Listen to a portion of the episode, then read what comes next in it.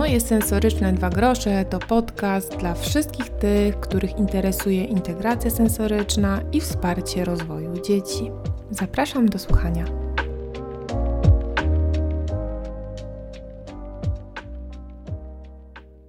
Hej, hej, witam wszystkich na kolejnym odcinku e, mojego sensorycznego dwa grosze. Dzisiaj na tapecie interocepcja i dlaczego ona ma bardzo wielki wpływ na nasze życie. Nie wiem jak wy, ale ja bardzo, bardzo widzę ostatnio wszędzie możliwości wpływu na nasze zmysły, różnych rzeczy.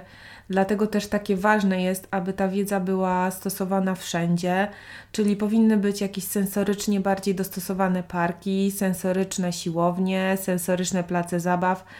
Jest już tego coraz więcej i, bardziej, i bardzo się z tego cieszę Moim marzeniem jest to, żeby każdy wiedział, jak żyć w sensorycznie przyjazny sposób, w sensorycznie przyjaznym otoczeniu. Nie tylko osoby z zaburzeniami SPD, nie tylko dzieci z zaburzeniami SPD, ale również też i dorośli.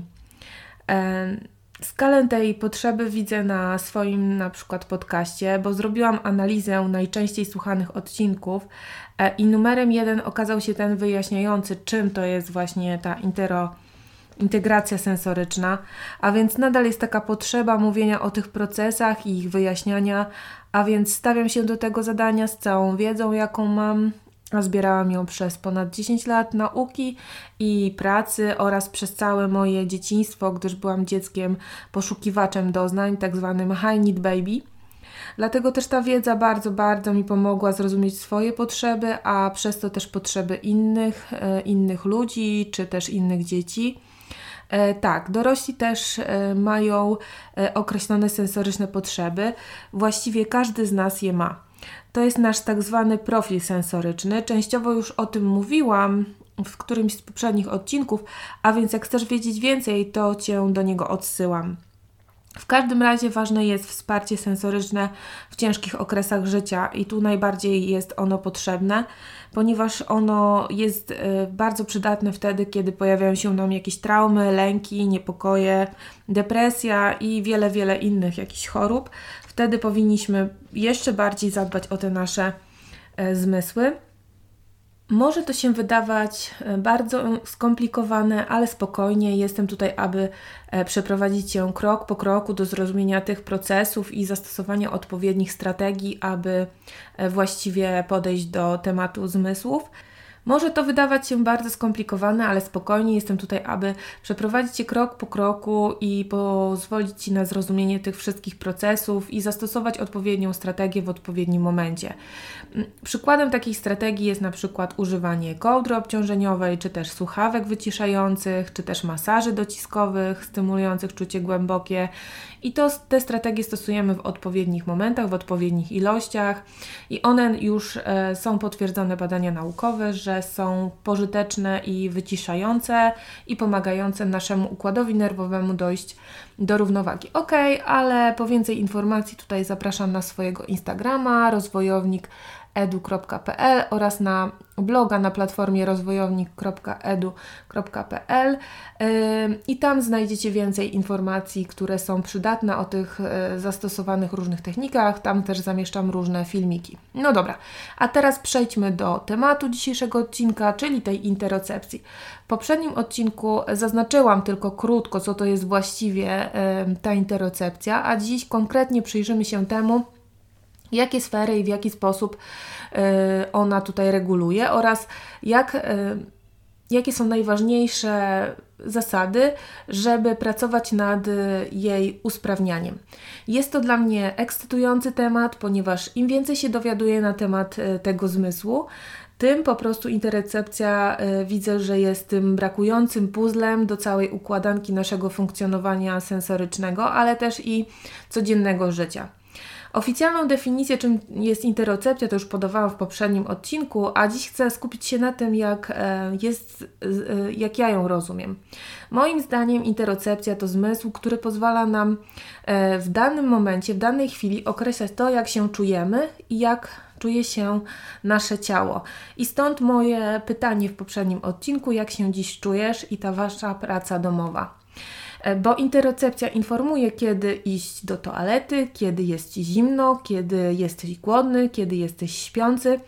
Ale najważniejszą cechą, taką funkcją interocepcji jest to, że pozwala ona nam poczuć nasze emocje i uczucia w ciele.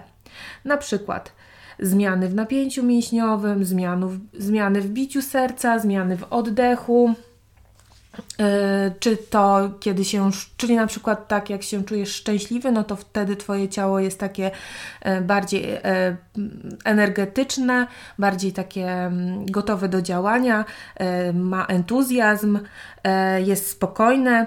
Jak czujesz złość, to na przykład możesz czuć napięcie mięśni w jakichś częściach ciała, możesz szybciej mówić, możesz mówić podniesionym głosem.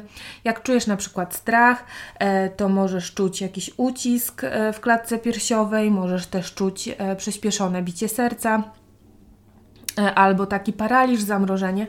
I to jest super ważna sprawa, ponieważ te funkcje interocepcji są bardzo, bardzo nam potrzebne.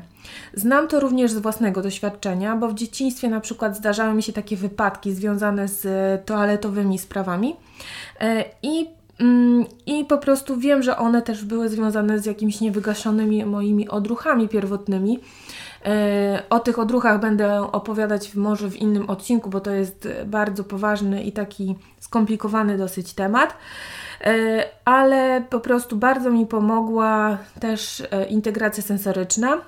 Trzeba sobie zorientować się w tym, że, mm, że to ma wpływ y, na nasze odczucie tego spęcherza, tych mięśni, które odpowiadają za nasze siku.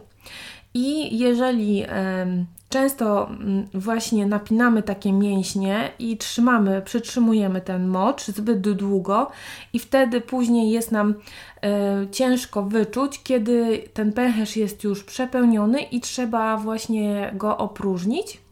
I wtedy e, jest to związane właśnie z tym takim podwyższonym tam napięciem tych mięśni. One chyba się nazywają kegla, ale to jest chyba szereg mięśni, więc trzeba wtedy zastosować techniki, które rozluźniają e, te mięśnie ale też e, zdarzają się e, na przykład takie wypadki, które są związane z tym, że te mięśnie są zbyt rozluźnione, zbyt mało napięte, zrelaksowane i wcale nie czują takiej potrzeby mm, do już skorzystania z toalety.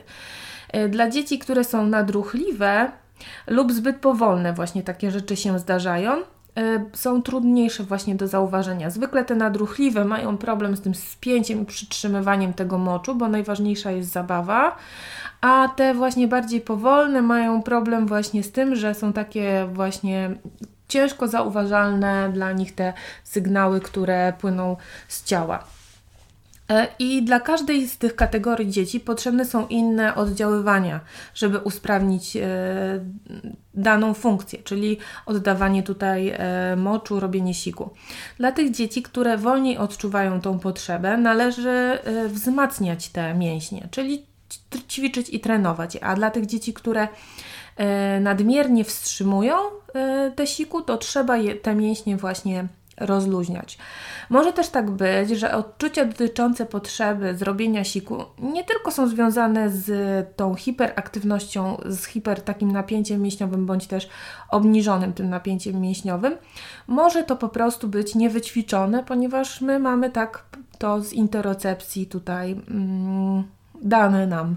Wzmocnienie ciała jest strategią, która jest wykorzystania wykorzystywana właśnie w celu mm, poprawy tych odczuć e, dotyczących temperatury, dotyczących e, skorzystania z toalety, dotyczących zauważenia głodu. E, I to właśnie buduje naszą świadomość ciała.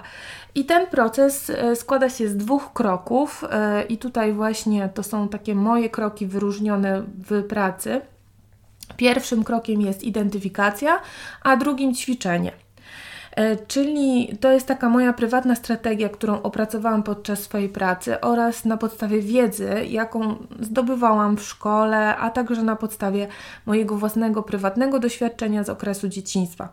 Po pierwsze, ta identyfikacja tych odczuć, czyli zauważenie ich. Nie jest to związane w ogóle z tym, jak już jest ten moment, y, który po prostu nas zmusza do pójścia do toalety, musi to być e, wcześniej zauważone.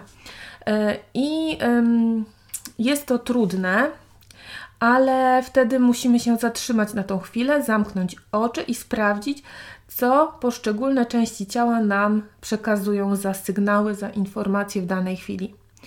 Jeśli e, czuje, jak się czuje Twoja pupa, jak się czuje Twój pęcherz, żołądek i tak dalej. Sprawdzamy kolejno krok po kroku.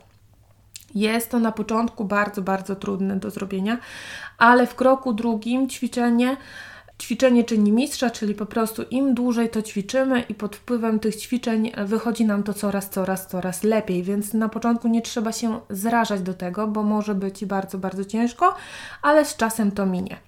Potrzebna jest tutaj bardzo regularność takiego zatrzymywania się, a później to już wchodzi nam em, naturalnie i dziecku też naturalnie przychodzi to, że odczuwanie to przychodzi tak od razu bez zastanowienia się. Ale najważniejsze jest, żeby te wszystkie techniki zatrzymywania tego y, się w momencie wykonywać w jakiejś zabawie, w formie zabawy, ponieważ dla dziecka e, najważniejsza jest zabawa i przez tą zabawę możemy wypracować wiele rzeczy, ponieważ ono wtedy czuje do nas zaufanie, jest zrelaksowane i wtedy ten stres ym, nie obniża zdolności poznawczych mózgu, bo stres bardzo e, źle działa na nasz układ nerwowy. O tym też będę mówiła później w kolejnych e, odcinkach. Także wróćmy do początku. Krok pierwszy identyfikacja. Możemy pracować różnymi sposobami na przykład oddziaływać na te mięśnie, tak jak wcześniej mówiłam, czyli przez e, uciskanie, ściskanie różnych e, części ciała. Na przykład najpierw dziecko ściska rączką jakiegoś gniotka i sprawdza, co to znaczy ściskanie. Później ściskamy jego dłoń, na przykład i pokazujemy, jak to jest być ściśniętym. Później ściskamy jego ramiona, później ściskamy jego brzuszek i w taki sposób dochodzimy do odczucia ściskania w żołądku, tak? E, I wyjaśniamy właśnie, że to może być to odczucie tego głodu. Można tutaj też zastosować różne techniki oddechowe, czyli takie szybkie oddychanie, e, wolne oddychanie, aby określić takie odczucia na przykład lęku, strachu, niepokoju wtedy, kiedy się pojawia. E, jeszcze jedną bardzo piękną praktyką dla dzieci jest sprawdzenie swojego pulsu, czyli położenie ręki na sercu i wsłuchanie się w jego bicie. Jest to bardzo piękna praktyka, która pozwala mm, poczuć nam swoje ciało. Jeżeli nie sprawdziłeś tej praktyki, nie skorzystałeś nigdy z niej, to spróbuj koniecznie. Zamknij oczy, połóż rękę na swoim sercu i wsłuchaj się w jego rytm. Jest to bardzo, bardzo ciekawe doznanie, pozwalające nawiązać kontakt niesamowity ze swoim ciałem. To są krótkie praktyki, które powinny być stosowane regularnie, aby poprawić jakość właśnie tej interocepcji. Czyli krok drugi, ćwiczenie czyni mistrza. Ćwiczenie, ćwiczenie, ćwiczenie i jeszcze raz ćwiczenie. Jedna, y, jedną z praktyk, y, jaką stosuję ja na co dzień, jest technika oddechowa. Nagram e, pewnie cały odcinek w przyszłości o tym pozytywnym wpływie technik oddechowych na zdrowie człowieka, ale póki co zachęcam do praktykowania tej techniki, bo ona e, jest bardzo fajna, się nazywa pudełko oddechowe. E, po angielsku jest jakaś tam nazwa, ale już nie pamiętam. W każdym razie zamieszczę ją w formie PDF-u do ćwiczeń w domu. Oddycha się na cztery. Najpierw się robi wdech do czterech, później się przytrzymuje powietrze do czterech licząc, później się wypuszcza do czterech i od początku i po kwadracie, tak? Więc zamieszczę PDF, będziecie mogli sobie go pobrać. Koniecznie skorzystajcie i koniecznie regularnie ćwiczcie. A więc ogólnie podsumowując, można powiedzieć, e, że można pracować nad interocepcją. W jaki sposób? Po pierwsze, przez wzmacnianie tego napięcia mięśniowego w przypadku u dzieci lub też osób, które mają takie obniżone to napięcie mięśniowe, czyli problemy z czuciem i z napinaniem tych mięśni. Ogólnie, po drugie, przez rozluźnianie tych mięśni dla tych dzieci z podwyższonym napięciem. No i po trzecie, można poprawić czucie, kontakt swój z ciałem poprzez y, regularną praktykę w dwóch krokach, czyli identyfikacja poszczególnego odczucia, a później ćwiczenie, ćwiczenie, ćwiczenie i ćwiczenie. No to dzisiaj wszystko, co chciałam powiedzieć. Dziękuję za wysłuchanie tego odcinka. Nie zapomnij pobrać załączonej techniki oddechowej i praktykować jej ze swoim dzieckiem. Jest to bardzo fajna zabawa. Życzę Wam, abyście byli sensorycznie ciekawi świata i pozdrowienia dla całej naszej sensorycznej rodziny. Do usłyszenia w kolejnym odcinku. Dzięki, cześć. Jesteś najlepszym terapeutą dla swojego dziecka. Bądź o czasie i na czasie rozwoju swojego dziecka.